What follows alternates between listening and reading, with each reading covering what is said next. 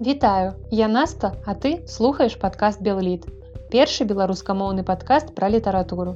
Гэта мой чытацкі дзённік, у якім вас чакаюць агляды навінак і сусветнай класікі. Варты ўвагі творы беларускай літаратуры, а таксама цікавыя літаратурныя і каля літаратурныя гісторыі. У канцы кожнага выпуску я буду адказваць на ваши літаратурныя пытанні. Задаць іх можна па спасылцы ў шоу-ноутах. Там жа вы знойдзеце спасылкі на ўсе кнігі, пра якія я расказваю ў гэтым выпуску.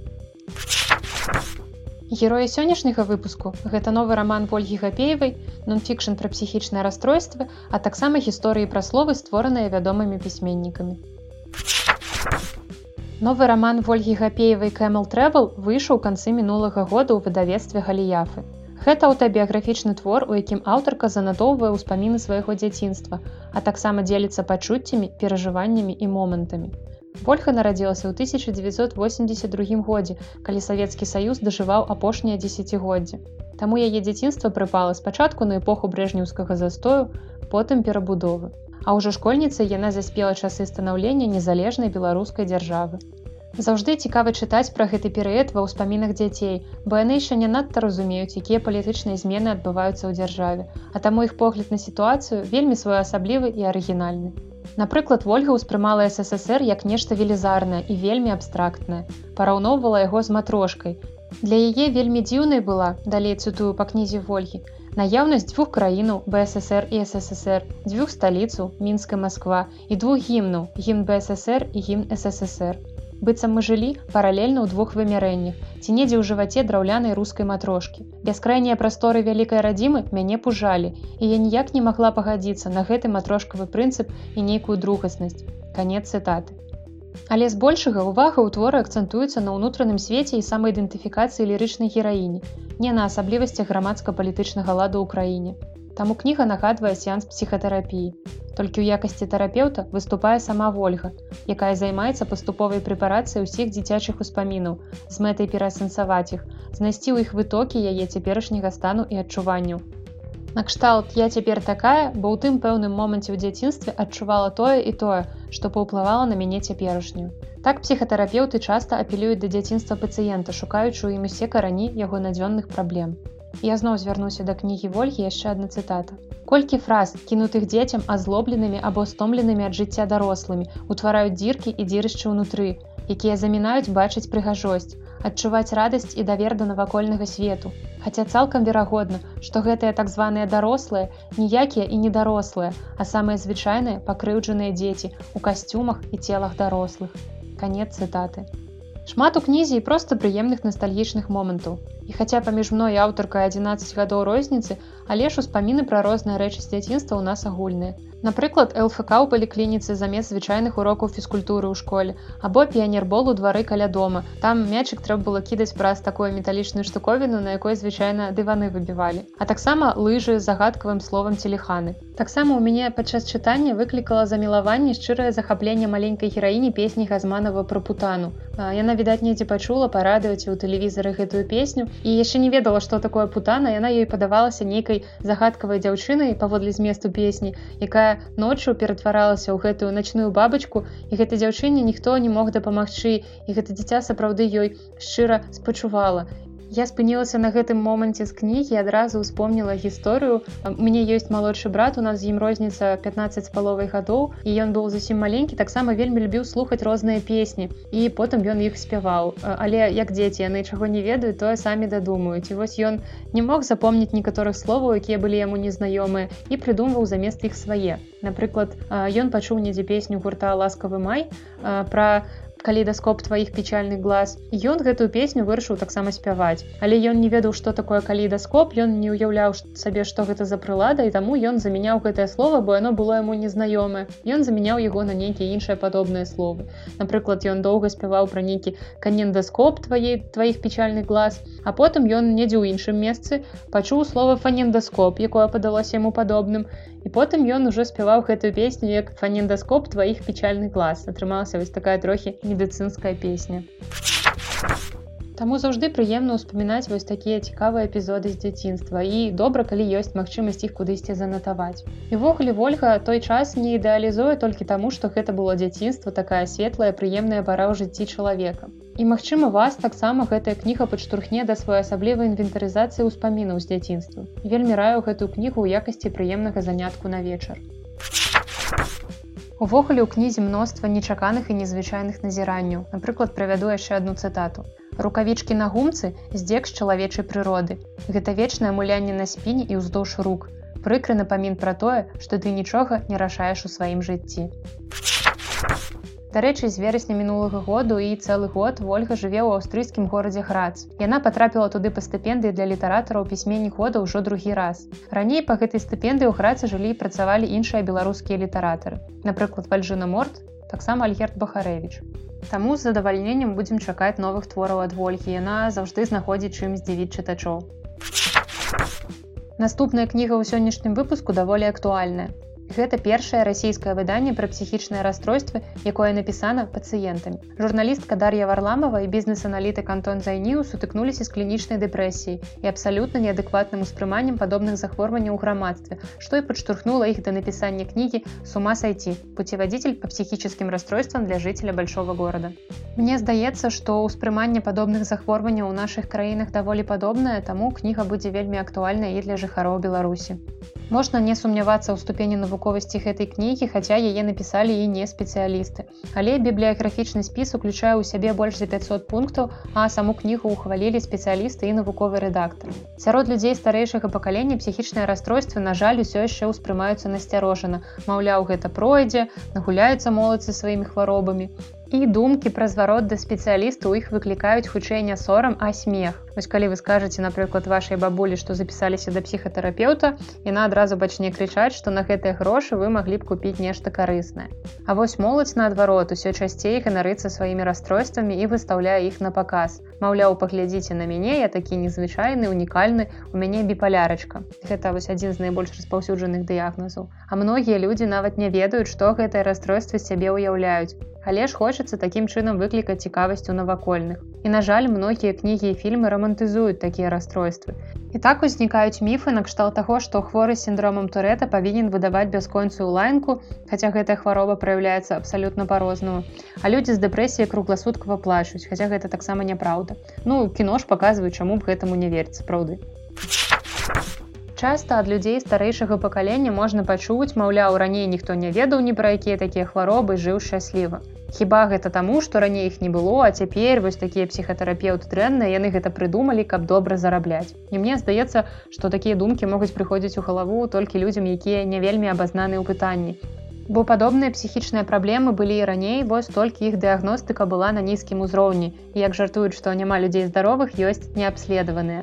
Да таго ж лячэнне таго часу нельга было называць гуманным. Таму мы можам зразумець жыхароў Францыі, напрыклад, канца 18 стагоддзя, якія проста баяліся расказаць, што з імі нешта не так, бо ў такім выпадку іх чакалі кровапусканне, паслабляльныя сродкі, абліванні холоднай вадой. І ў прынцыпе, да пачатку два стагоддзя псіхіятрыі як навукі не існавала. І таму у наш час ніхто ўжо дакладна не павінен саромецца па ходу да псіхатэрапеўта, бо нашмат горш не сачыць за сваім здароўем як фізічным, так і ментальным. І гэтая кніга даволі простай мовай парадкуе нашыя разрозненыя веды пра псіхічныя расстройствы, прычым разглядае найбольш папулярныя, такія як дэпрэсія, біпалярнае расстройства, трывожнае расстройства, сіндром дэфіцыту увагі гіперактыўнасці, сіндром аспергера, шизофренія і іншы. З гэтай кнігі вы даведаецеся, чым сацыяфо падрозніваецца ад сацыяпата і хто з іх бясшкодны. Але адна з найважнейшых частак кнігі знаходзіцца ў канцы, дзе аўтары распавядаюць пра розніцу паміж псіхолагам, псіхатэрапеўтам і псіхіятрам і тлумачаць, як праходзіць прыёму кожнага з іх. Бо ў прынцыпе асноўны страх перад паходам да псіхатэрапеўта заключаецца якраз у тым, што чалавек баіцца на ўсё жыццё атрымаць таўро псіха. Маўляў, вось вы прыйдзеце на прыём, а вас адтуль адразу адправіць у навінкі. І аўтары развеywаюць усе гэтыя стэеатыпы і супакойваюць чытачоў. У прынцыпе, мэта аўтара ў тым, каб паказаць, што да лекара ісці зусім не страшна, калі вам здаецца, што з вами нешта не так. Больш страшна быць не ў ладах самім сабой. А ў апошняй частцы падкаста сёння пагаворым пра цікавую з'яву, такую як пісьменніцкае словаўтварэнне. Увогуле многія словы, якімі мы карыстаемся ў паўсядзённым жыцці, нам падаюцца вельмі натуральнымі, нібыта яны былі заўсёды і існавалі заўсёды. Напрыклад, слова заўзятар, якое даўно выкарыстоўваецца аматарамі спорту. і зараз гэта асабліва актуальна калі за беларускім чэмпіянатам по футболе сочыць увесь свет і оказывается что слова заўзятар з'явілася ў беларускай мове толькі ў першай палове 80-х гадоў мінулага стагоддзя. Да гэтага карысталіся запазычаным з рускай мовы словам балельшчык паходзімся што па-беларуску яно хутчэй не вельмі прыгожа. І тады паэты олег бембелі алесь разанаў прапанавалі слова заўзятар якое арганічна ўвайшло ва ўжытак. Хаця, напрыклад, у слоўніку крапівы гэтае слова мы можам убачыць па знакай размоўнае. Таксама ёсць цікавыя прыклады словаўтварэння і ад замежных аўтараў. Напрыклад, ці задумваліся вы, адкуль з'явілася слова перакінез, якое вядома ўсім аматарам фантастыкі ў кіно ці літаратуры. Гэтым тэрмінам абазначаецца здольнасць выклікаць агонь сілай думкі і кіраваць ім на адлегласці. І аказваецца, што яго прыдумаў сусветны вядомы кароль жахаў Стывен Кінг і ўпершыню ўжыў у сваім творы, які ў рускім перакладзе нам вядомы як васпламяняющая взглядам. Гэта раман пра дзяўчынку, якая мае здольнасці да піракінезу. І цікава, што ідэя пра такія здольнасці існавала даўно, але ж менавіта кінг упершыню ўжыў гэты тэрмін. Гэтае слово стала аналагам слова тэлекінез здольнасць рухаць аб'екты на адлегласць. У сваіх творах пісьменнікі фантасты часта прадбачылі будучыню і апісвалі неверагодныя тэхнічныя прылады, якія праз дзясяткі гадоў станавіліся паўсядзённасцю. Таму заўжды трэба прыслухоўвацца да фантастаў. Таксама фантасты зрабілі вялікі ўклад у распрацоўку новай тэматычнай лексікі. Напрыклад, класік чэшскай літаратуры Карл Чапік, які ў 1920 годзе напісаў навукова-фантастычную п'есу росумскія універсальныя робаты, якая часцей называецца проста абрэвіатурай рур. Падзеі ў п'есе разварочваюцца на фабрыцы, дзе вырабляюць штучных людзей, якіх называюць роботамі. Знешне гэтыя роботы не адрозніваюцца ад людзей, але яны былі створаныя з вырашчаных тканак і органаў. Гэтых істот трэба было неяк назваць і чапек звярнуўся па дапамогу да свайго брата мастака Йозафа. Той амаль не задумваючыся прыдумаў слова робот. Праўда, пазней пісьменнікі фантасты сталі выкарыстоўваць слова робот у дачыненні да нежывых механізмаў. І ў той час як чапік у творы называў так не машыны, а жывых людзей, толькі створаных на спецыяльнай фабрыцы, а не народжаных. І як абяцала, зараз я адкажу на некаторыя пытанні, якія ўжо атрымала ад вас праз тэлеграм-канал, таксама спасылка на тэлеграм-канал будзе ў шоу-ноутах. Да пытанняў, дзе мяне просяць проста паразважаць, я загадзя не рыхтавалася, няхай гэта будзе такая своеасаблівая імправізацыя, каб атрымалася больш шчыра. І вось, напрыклад, такое пытанне прыйшло ад паліны, чаго не хапае сучаснай беларускай літаратуры. Увогуле да гэтага пытання можна падыходзіць з розных бакоў, напрыклад, разглядаць, чаго не хапае беларускай літаратуры сучаснай у плане тэмаў, тэкстаў, сюжэтаў, або чаго ёй не хапае для развіцця. І я хочу хутчэй закрануць другую другое пытанне як мне здаецца нашай літаратуры сучаснай беларускай вельмі не хапае дзяржаўнай падтрымкі тым аўтарам якія сапраўды чытаюцца і творы якіх выходзяць на жаль невялікімі накладамі у незалежных выдавецтвах Дякую што у нас яны ёсць гэтыя незалежныя выдавецтвы іх не так шмат але яны ўсе плённа працуюць і дзякую ім за гэта Вядома ж і ў афіцыйным саюзе пісьменнікаў ёсць творцы сапраўды таленавітыя, Але, на жаль, збольшага творы гэтых аўтараў стаяць на паліцах у кнігарнях або ў бібліятэках і нешта не вельмі іх моцна купляюць. А творы аўтарах, якія сапраўды чытаюцца, яны выдаюцца невялікімі накладамі і людзі нават не паспяваюць іх купіць. Ну і таксама нашай сучаснай беларускай літаратуры не хапае рэкламы, каб білборды ў горадзе віселі з творамі, з выявамі нейкіх літаратараў. Гэта, мне здаецца, даволі моцна прыцягвала увагу чытачоў, але, на жаль, такога пакуль не маем. Аўтар наступнага пытання не прадставіўся і гучыць пытанне так. Якую сучасную прозу варта пачытаць? Можа, ёсць аўтары, якія маюць міжнароднае прызнанне, мы іх не ведаем. Люблю Людмілу рублеўскую, можа ёсць яшчэ падобныя аўтары. На жаль, нейкага сапраўды вялікага міжнароднага літаратурнага прызнання беларускія аўтары не маюць, хаця многія з беларускіх сучасных аўтараў перакладаюцца на розныя мовы на нямецкую на ангельскую а таксама на мовы блізкія нам славянскія. Вось напрыклад творы альгерда бахарэвича даволі часта перакладаюцца. Перакладаецца і Віктор марцінович і гэта ты аўтары якія сапраўды гучаць не толькі ў беларусі але і прадстаўляюць Беларусь на міжнароднай літаратурнай арэне. І апошнім часам калі ў мяне запытваюць што пачытаць сучаснай літаратуры я ўсіх адсылаю да прэміі гідройца І зразумела, што густы ў людзей розныя, таму не абавязкова абапірацца на менавіта пераможцу ў гэтай прэміі, але калі проста ўвесці ў пошуку поўны спіс прэмій гідройцу за, напрыклад, 2018 год, вы атрымаеце спіс з як мінімум 30 кніг і гэта сапраўды даволі разнастайныя творы і я думаю, што вы там знойдзеце для сябе нешта цікавае. Апошнім на сёння я пакінула пытанне, якое мне падалося даволі цікавым. Аўтар таксама не прадставіўся і пытанне гучыць так. Якой ты бачыш беларускую літаратуру праз 30 гадоў. Гэтае пытанне дае мне даволі вялікую прастору для фантазій. Але я ўсё ж паспрабую адказаць на яго больш рэалістычна. Праз 30 гадоў я бачу беларускую літаратуру больш разнастайнай. Гэта значыць, што кожны чалавек зможа знайсці ў ёй творы, якія будуць яму па душы і беларускую літаратуру будучыні я магу параўнаць з нетфліксом. Для мяне гэтая кампанія цікавая тым, што яна не спрабуе дагадзіць адразу ўсім людзям, а здымае праекты для невялікіх груп людзей. І зразумела, што ў Netflixа таксама хапае даволі маштабных праектаў, якія ахопліваюць вялікія групы людзей, напрыклад, тое ж чорная люстэрка, якое не глядзела магчыма толькі лянівы. Але разам з гэтым у іх хапае такіх даволі камерных праектаў. Напрыклад, летась у іх выйшаў першы сезон дакументальнага серыялу пра формулу-1. І зразумела, што сама па сабе формула-1 гэта даволі маштабны відовішчны спорт, але наколькі вялікая можа быць колькасць людзей, якім было б цікава паглядзець пра яе менавіта дакументальны серыял. І сапраўды аўдыторыя гэтага серыяла апынулася даволі невялікай паводле мерак Netflix усяго каля мільёна чалавек. Можна, напрыклад, параўнаць гэта з аўдыторыяй, якая глядзіць прамыя трансляцыі футбольных матчаў ангельскай прэм'ер-лігі. І гэта дзясяткі мільёнаў чалавек. І вось так Netflix здымае такія не вельмі маштабныя серыялы. І мне б хацелася бачыць беларускую літаратуру праз 30 гадоў прыкладна такой жа. Каб у нас было мноства пісьменнікаў, якія пішуць абсалютна разнастайныя творы, якія б задавальнялі патрэбы розных людзей. Напрыклад, мне зараз у нашай літаратуры не хапае такіх жанраў як дэтэктыў і трыллер і няма такіх аўтараў, якіх можна было б назваць беларускі Стывен Кінг або беларускі ЮНЕСБ. І нават як бы беларускай дар'і данцовай у нас, на жаль, пакуль што няма. Бо для развіцця любой нацыянальнай літаратуры вельмі важна, каб у ёй былі прадстаўленыя розныя жанры і нават масавая літаратура і нават білетрыстыка. Галоўнае, каб кожны чытач мог знайсці кніху сабе па душы. А яшчэ я бачу беларускую літаратуру праз 30 гадоў больш пазнавальнай. Каб аўтары ездзілі ў так званыя літаратурныя туры па ўсёй краіне. Магчыма, каб яны выступалі недзе на тэлебачанні, каб мы бачылі іх часцей, каб людзі пазнавалі і маглі, напрыклад, падысці да любога пісьменніка на вуліцы, каб взяць у яго аўтограф. І магчыма, гэта ўсё мае такія крыху наіўныя дзіцячыя разважанні, але мне б сапраўды хацелася, каб гэта было так. Мне даволі часта даводзіцца сустракаць артыкулы пра тое, як жывуць пісьменнікі ў іншых краінах, дзе для іх ёсць спецыяльныя літаратурныя рэзідэнцыі, дзе гэтыя аўтары могуць спакойна жыць і пісаць, працаваць. І мне б хацелася, каб нешта такого кшталту было па Беларусі і каб нашыя аўтары былі б такімі крыху рок-зоркамі.